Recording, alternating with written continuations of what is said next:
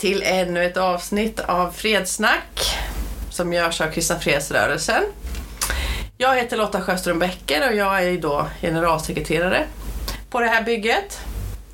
Och idag har jag den stora äran och glädjen att ha vid min sida här eh, professor i freds och konfliktforskning vid Uppsala universitet, allas vår Isak Svensson. Välkommen! Mm, tack så mycket!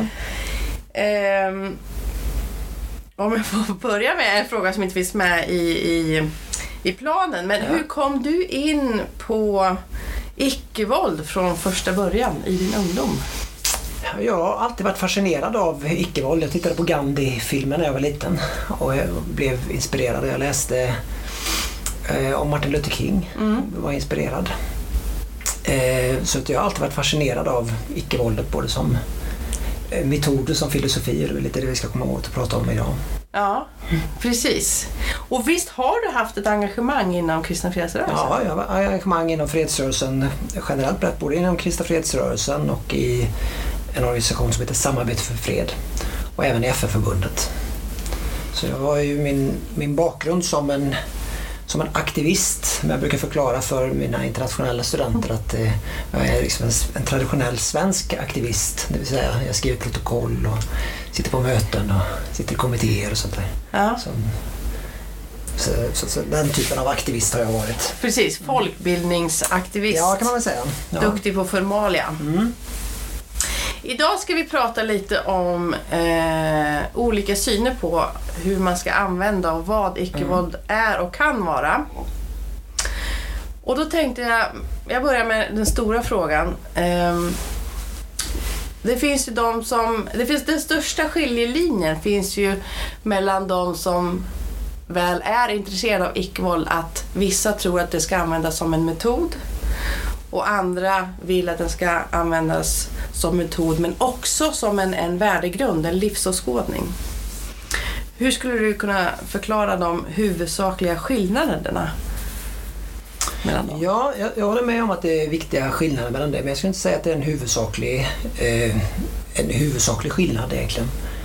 Och orsaken till det är ju att de som håller sitt icke-våld som en livsfilosofi eh, går ju också med på att icke-våld kan vara någonting effektivt och att det är en, en, en grund för man, varför man bör välja icke-våldsliga metoder. Så i grunden handlar det om två olika grund, liksom ingångar och, och liksom eh, grundantaganden. Där ett, ett eh, pragmatiskt förhållningssätt handlar om att man ser icke-våld utifrån effektivitet. Man bedömer utifrån effektivitet och tillgängliga medel. Och att det är därför man vill man, eh, ser att icke-våld kan vara en, en viktig form av, av, att använda i sociala konflikter. Ett mer principiellt utgångspunkt har ju liksom en etisk utgångspunkt och en mer eh, övergripande holistisk utgångspunkt. Eh, som, som kanske dels har en, en liksom grundfilosofi som förbjuder användningen av våld. Om man har liksom en pacifistisk hållning. Men som också kan handla om att man, man ser konflikter på ett lite annorlunda sätt. Man ser eh, eh, parterna, man ser dem lite mer holistiskt, att parterna är, eh, är liksom, hör ihop i, ett, i, i, i, någon, i någon mening. De inte är eh, i egentlig mening antagonister, de är inte motståndare egentligen utan det där är bara en chimär.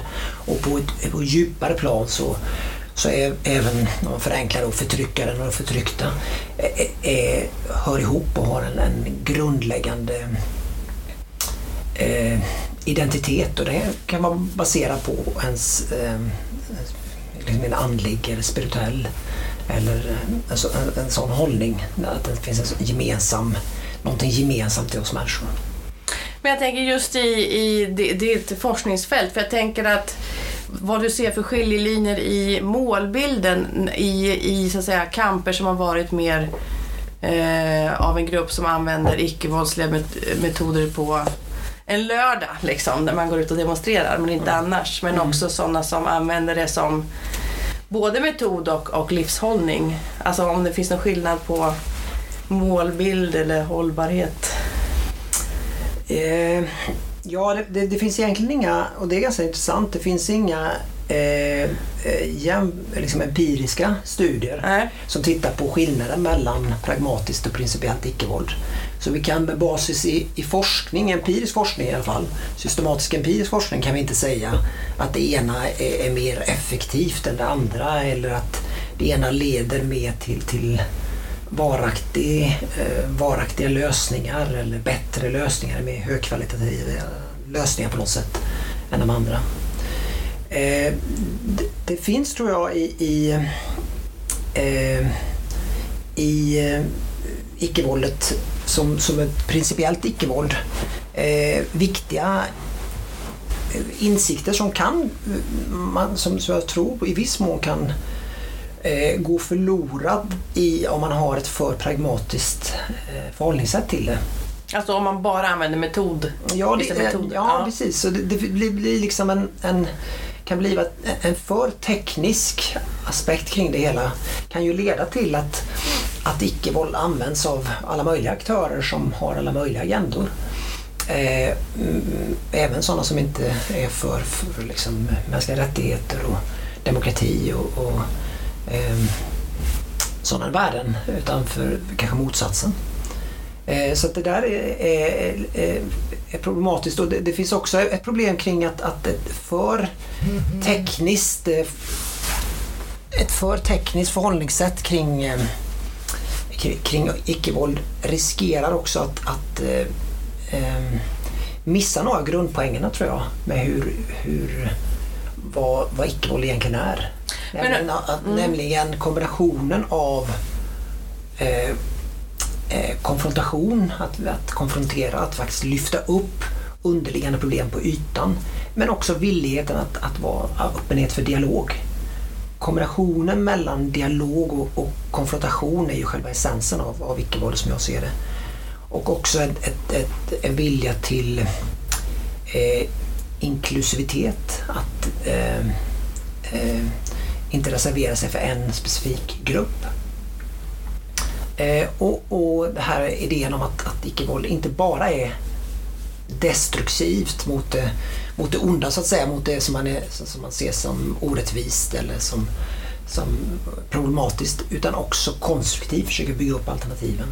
Men har det också att göra med eh, vad man har för syn på nu är vi igen då, målbilden alltså, på medmänniskan. Är det att vinna över eller att, att vin, liksom, få en, inkludera mm. eh, motståndaren in i lösningen framåt? Är det också någonting som du har sett? Ja, men så är det ju. Och, och, och man kan se då att, att eh, ett pragmatiskt, eh, eller mer tekniskt perspektiv på det där så handlar det om att utöva makt, att faktiskt eh, eh, vinna över motståndaren men att vinna över motståndarna med hjälp av icke-våldsliga medel, eh, icke-väpnad kamp eller metoder som inte eh, handlar om direkt våld. Eh, men där man ändå försöker att sätta press på den andra sidan att faktiskt få den andra sidan att, att, att försvagas på olika sätt. Medan ett, ett principiellt icke-våld har ju en, en mer en, en, en, bredare syn på det. Att, att det handlar om mer att, som du säger, också där vinna över, att, att faktiskt få eh, eh, förändra den andra parten, att transformera relationer egentligen i, i grunden mellan parterna. Transformera, transformera relationen mellan, om man förenklar, förtryckaren och de förtryckta. Båda så att säga de här äh, ingångarna de, de har ju som fokus att uppmärksamma och tydliggöra orättvisor. Mm. Eh, men du nämnde här lite kort om just det här synen på dialog. Om du kan, alltså viljan att, att ingå dialog med förtryckaren eller den som man vill förändra. Hur, ser, hur är skillnaden där? Tittar man på hur Gandhi eh, beskriver det, kampen så, så, är hans första ingång i när han lägger upp en, en kamp så är alltid ingången att börja med dialog.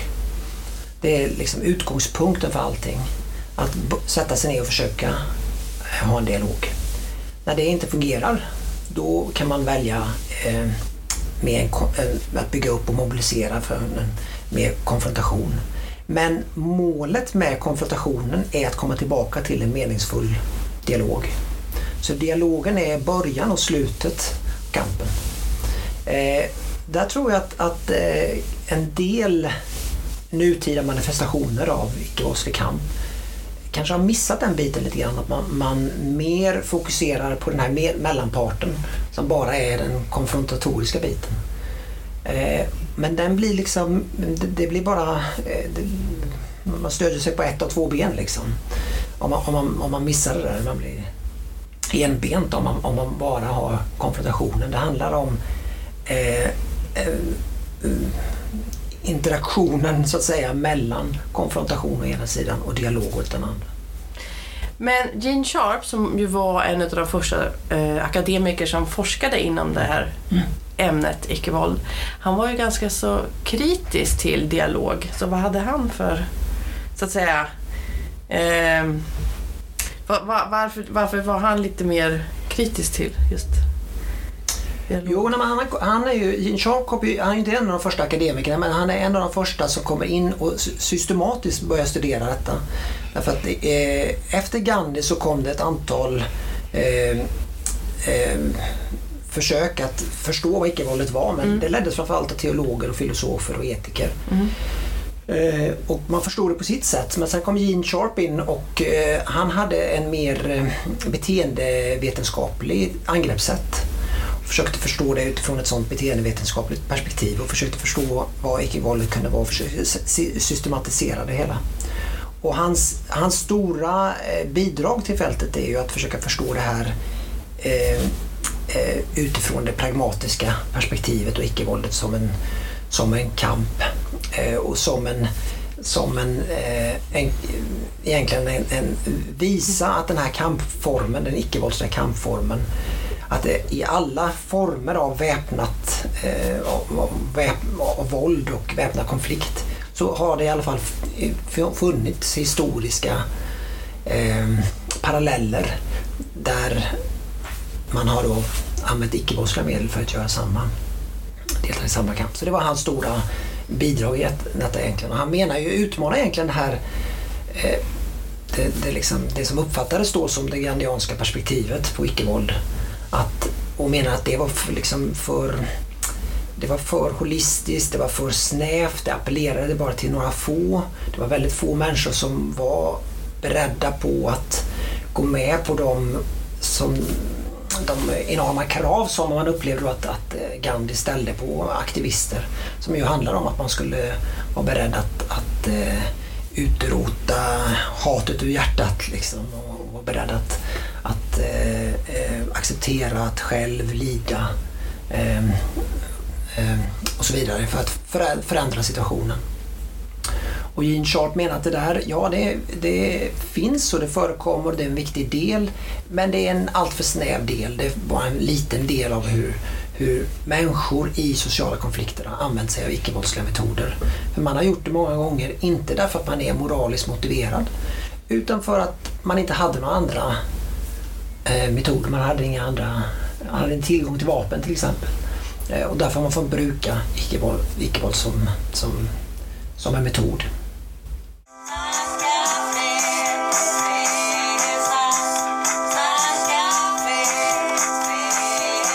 Om, om vi går från så att säga, den mer teoretiska eh, delen av, av eh, din kunskapsbank till och titta på de exempel du har tittat på eh, och forskat på. Så vad, vad kan vi ta... Alltså, vi, vi har ju eh, gett ut en bok som heter Icke-våldets vägar, fred i terrorns tid, där du mm. skriver ett kapitel. Mm. Eh, och då eh, skriver du bland annat om, om exempel från den arabiska våren. Vad, vad skulle du säga är liksom de, de största lärdomarna vi kan ta med oss från den icke-våldskamp som fördes där? Först och främst att icke-våld är, är, potent, att det, har en, att det verkligen är kraftfullt och att vi ser att det har, har möjlighet att vara en, en stor geopolitisk kraft som verkligen förändrar spelplanen. Det var det vi såg i arabiska våren. Så det, det finns en otrolig potens i icke-våldet. Men sen också tror jag att det finns en behov av reflektion kring icke-våldet därför att det, det, det var ju ett, ett, ett, utfall som inte var speciellt lyckat. Egentligen så kan man väl säga att, att det, eh, det var bara Tunisien av alla de fall som, som, som, som, av icke-våldsliga folkliga uppror som var som, som faktiskt ledde till en, till en, en långvarig demokratisering. Medan i andra fall som i Libyen och, och, och Syrien så ledde det till inbördeskrig och i viss mån i Jemen också även om det fanns också tidigare. Och i andra fall så, så krossades det som i, som i, i Egypten och Bahrain. Eh, men jag tror att, att eh, det som vi var inne lite på tidigare också att, att i viss mån så hade man en för snäv applicering av, av icke-våldet. Det tenderar att i vissa fall bli appellera bara till vissa grupper inom samhällena. Det blev liksom sekteristiskt, det ägdes av vissa religiösa eller etniska grupper. Det blev väldigt konfrontativt och därmed hotade intressen för vissa, för vissa grupper och svårt att hitta gemensamma intressen. Och det var eh, fokus på att bryta ner det gamla men det var, eh, var inte lika bra på att försöka bygga upp alternativen. Bygga upp parallella eller alternativa institutioner eller eh, kanaler. Och så. så att det här eh, idéer som finns inom grunden kring icke-våld, det här med inklusivitet, det som Gandhi pratade om, det konstruktiva programmet, att det ska finnas något konstruktivt, inte bara destruktivt. Eh, och idén om att, att det handlar både om konfrontation och dialog. Några av de där lite bredare angreppssätten på icke-våld tror jag gick förlorade under arabiska våren. Och kan vara en förklaring till varför det blev, inte blev det, den typen av positiva utfall som vi hoppades. Och där tror jag att rörelser som, som till exempel Kristna fredsrörelsen kan spela en viktig roll.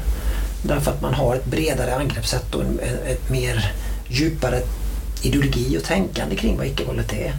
Eh, och att, att föra in den det i debatten tror jag är en viktig, en viktig del och ett viktigt uppdrag för, för Kristna fredsrörelsen. Och eh, ja, det håller jag med om. Att vi, vi gärna skulle vilja ja, eh, titta mer på sånt, hur vi kan en, få en roll i det. Roligt att höra. Mm. Eh, jo, och då tänker jag att i det som är så väldigt intressant, om jag får säga, i det där du skriver om arabiska våren. Det är ju det här som du nämnde också lite kort tidigare i vårt samtal att eh, icke-våld kan så att säga missbrukas. Mm. Eh, att, att det används i, av, av så att säga fel aktör på fel sätt. Eh, kan du ge något exempel vad du såg och, och vad som skedde då? Ja, nej, man kan väl se liksom, det, det, det mest tydliga exemplet är ju Syrien. Eh, Syrien har ju, har ju varit det, det, den, den, största humanitära katastrof vi har haft de senaste åren. Och det började som ett icke-våldsuppror. Och det är ju egentligen paradoxalt. Hur kan ett eh, icke-våldsuppror leda till den största humanitära katastrof vi har haft? Eh, men en möjlig förklaring har att göra med att, att det, det sätt på vilket icke-våldet applicerades blev ganska snart efter uppstarten eh, sekteristiskt. Det ägdes av en, en etnisk religiös grupp eh, i, i, och, och hotade de andra grupperna i ett, ett multisekteristiskt, eh, multireligiöst Syrien. Eh, man lyckades inte skapa en bred bas som appellerade till alla grupper. De är, det där har mm. icke-våldsforskningen pekat på som en mycket viktig faktor varför vissa blir framgångsrika och andra inte. Att man lyckas skapa koalitioner som är över religiösa, etniska, sekteristiska gränser. Och att skapa den typen av, koalitioner. Och det lyckades man inte göra i Syrien. Sen blev det också väldigt konfrontativt eh, eh, och därmed hotade de andra grupperna. Och fanns eh, relativt liten öppenhet för att söka någon typ av förhandlings, förhandlingslösning, ehm, förhandlingsöppning kring de här frågorna. Och eh, vi, internationella samfundet, är ju också att, att, att kan, vi kan också skylla på oss där som, som också var ganska hårda och inte alls öppna för någon, någon, någon dialog, eh, dialoglösning. Eh, så det skapade en väldig mm. antagonism.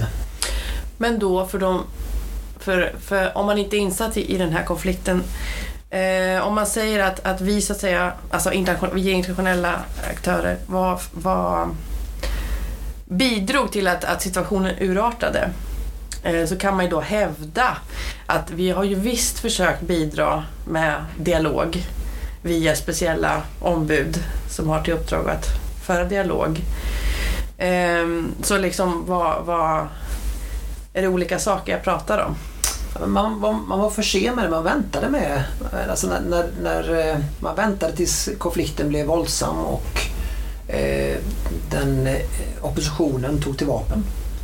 Så istället för att, att intensifiera ansträngningarna under eh, det fanns, visst, det fanns ansträngningar men man hade kunnat intensifiera ansträngningarna under den icke-våldsliga fasen av den konflikten. Istället för att vänta tills man hade ett, ett, en väpnat inbördeskrig. För då blir det så mycket svårare. Och det har vi ju sett också att det, under alla dessa år av förhandlingar har man inte lyckats nå något resultat.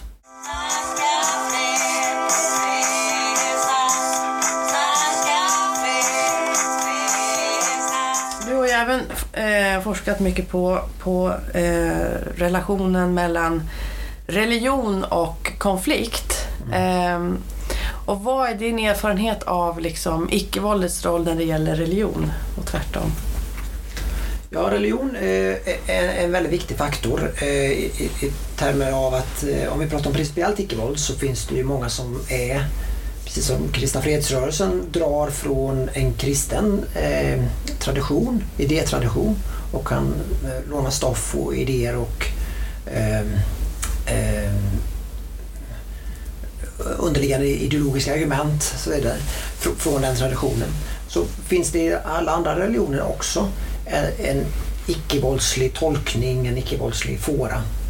Och många skulle säga att, att det finns i, i kanske själva grunden av av de stora världsreligionerna så finns det idéer om, om icke-våld eh, som, man kan, kan man, som man kan bygga på och som många företrädare har blivit inspirerade av. Men det är också så att, att eh, eh religiösa aktörer har varit väldigt viktiga för att bidra till mobilisering i konfliktsituationer. Man kan tänka på hur det var i, i Filippinerna 1986 när katolska kyrkan var väldigt aktiv Eh, hjälpte till att skapa den eh, mötespunkter, eh, hjälpte till med icke-våldsutbildning och så vidare.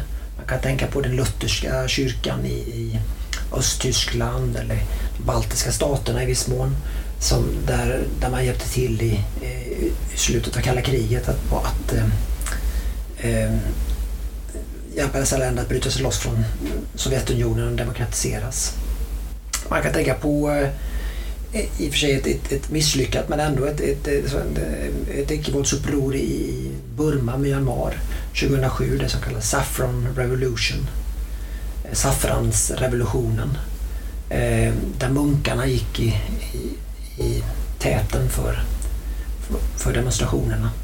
Så att eh, icke-våldsliga strukturer och organisationer och eh, eh personer som, som, som varit präster eller som eh, tjänstgjort inom, inom religiösa traditioner på olika sätt har varit viktiga funktionärer i många icke-våldsuppror.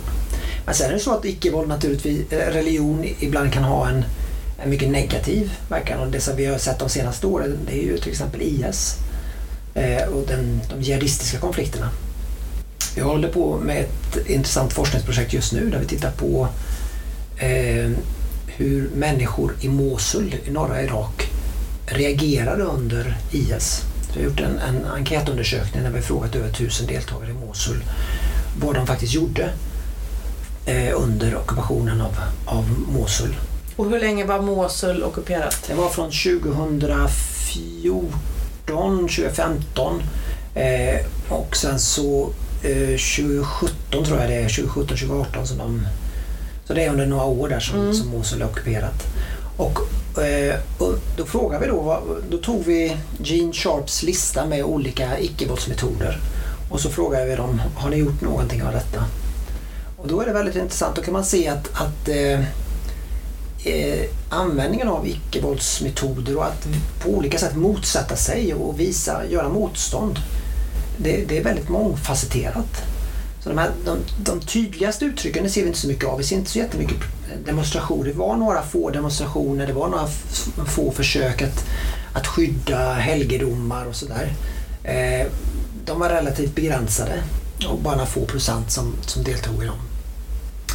Men, men lite mer eh, eh, typ av motståndshandlingar som man kan göra eh, covert, alltså att, att de är hemliga eller man, man, ser dem inte på ytan. Eller former av att, att inte samarbeta med ockupationsmakten, då, eller som man kan se som ockupationsmakten, med IS. Så eh, det var mycket mer förekommande. Eh, till exempel att man kanske vägrar betala skatt eller smugglar bort skatten. När man kanske, om man tjänstgjorde för IS så, så jobbade man inte lika effektivt eller man, man drog fötterna efter sig. Eh, eller man, man spred information som var emot IS eller så vidare. Eh, och sen kan vi se att, att det som man ibland pratar om som, som eh, eh alldagligt motstånd, everyday resistance. Det, alltså det är en, en väldigt småskalig typ av motstånd som man kan använda för att visa sitt eh, och uttrycka sitt missnöje. Eh, men där gränsen mellan det politiska och privata blir väldigt, eh, kanske i viss mån luddigt och otydligt. Men till exempel kan det handla om att, att visa håret, eller att röka, eller att dricka eller att eh, spela musik eller sporta eller sådär. Så, så delta i ett antal eh, aktiviteter eller göra aktiviteter som då under den där regimen var förbjudna. Att det var väldigt förekommande. Det var många som gjorde det här. Och sammantaget kan man se att, att eh, slår vi ihop alla de här kategorierna så är, är det en överväldigande majoritet av Mosulbefolkningen som faktiskt på olika sätt motsatte sig eh, och deltog i icke-våldsligt motstånd. Och det här är väldigt intressant därför att, att eh, vi tänker oss ofta att, att motstånd mot IS är, liksom, det, det är omöjligt. Liksom. Jag får den, den responsen. Förut fick jag responsen eh, när jag pratade om icke-våld så sa man ja men, ja men Hitler, det går ju inte att agera mot Hitler. Och numera säger man kanske att ja men IS då. Eh, och där, där tror jag det är viktigt att, att peka på att det faktiskt finns utrymme för olika former av icke-våldsmotstånd. Vi kan se att det fanns ett, ett ganska brett och mångfacetterat icke-våldsmotstånd. Ut, framgår det ur, ur, den här enkäten om så att säga, medvetenheten hos medborgarna att det, det här liksom vardagsmotståndet, eh, alltså att man inspirerades av andra och var det även kvinnor och unga som kunde? Ja, det var väldigt brett. Det var både kvinnor och, och, och unga. Det var, det var brett när det gäller åldersspridningen och det, det, fanns olika, och det fanns olika, lite olika former som man deltog i, om man var man eller kvinna. Eh, men det var brett och man, man, det var också så att man, vi frågade om, om de såg andra som gjorde motstånd det gjorde de också. Mm. Så det, för, det förekom, mm. förekom brett. Slutligen eh, så har jag en klurig fråga, tycker jag själv i alla fall. Och det är ju att när man tittar på de som har gått före oss i, i att använda icke-våld som metod men också icke-våldskamp så ser man ju att, man, att det finns en kostnad och en stor risk. Man tar en stor risk när man använder metoder för att eh, påvisa en orättvisa eller bidra till förändring. Alltså, vad du ser till exempel i de områden där du forskar och sen när du tittar på Sverige och våran situation och vad som händer. Vad, vad skulle du liksom vilja skicka för uppmaning till våra medlemmar och de som vill eh, jobba med icke-våld här i Sverige? Ja, en viktig eh, tanke inom eh, icke-våldet är naturligtvis det här begreppet om mord. mord. Och mod handlar ju inte om att, att eh, man inte är rädd eller att man inte är beredd att ta eh, risker. Utan eh, att man trots risker och trots rädsla hittar sätt att, att gå vidare. Och det här mod i ett, liksom ett gandianskt perspektiv, om man ska kalla det från Gandhis perspektiv, så var det ganska individualistiskt. Det var att, att att djupna i sin egen tro och övertygelse och därmed hitta kraft för mod. Eh, I Gene Sharps perspektiv så är det lite mer, det handlar om en gruppnivå, att man kan genom att organisera sig skapa eh, situationer där man, där man kan vara eh, mer modig så att säga. Så att, att, att det finns ju en viktig oavsett vad grunden är, om det är på det individuella spirituella planet eller det är på grupp, grupporganiseringsplanet, så tror jag den här idén om mod och djärvhet är, är väldigt viktigt. Och en viktig del av den icke-våldsliga tanketraditionen. I vår tid så kan det ju handla till exempel om det som eh, motståndet mot eh, fossilsamhället, klimatförändringarna som jag tror kommer bli en av de stora och som vi ser ju är en av de mycket stora konfrontationerna, spänningarna som vi går emot som vi måste hitta en lösning. Och där vi nu ser en, som jag tycker mig se i alla fall, en, en, en, en, en strid eller en kamp på något sätt som i viss mån står mellan generationer. Där den yngre, yngre generationen står på barrikaderna och säger att det här är vår konkreta framtid det handlar om. Eh, och de äldre generationerna som sitter vid makten vägrar att göra några större radikala eftergifter. Trots att de också inser att det handlar om, om överlevnad för den här yngre generationen. Och den, den konfrontationen kommer ju bara bli skarpare och skarpare. Eh, och, och, här handlar det ju om mod och att, att eh, våga eh, att våga vara järv tror jag. Här finns det mycket som, som eh, en, rörelse som Kristna fredsrörelsen som har den icke-våldsliga grundfilosofin kan också kan bidra med tror jag och lära ut till, till i den förändringsprocessen. Mm. Ja men det tror jag och hoppas att vi kan eftersom på något vis det du säger att skapa utrymmen där man även får öva, testa mm. och tänka ut hur man kan använda icke-våld på ett smart sätt för att bidra till förändring eh, är ju en förhoppning att rörelsen kan bli, få den rollen. Eh, och med det så vill jag tacka så mycket för att du tog dig mm. tid att komma hit och prata med mig.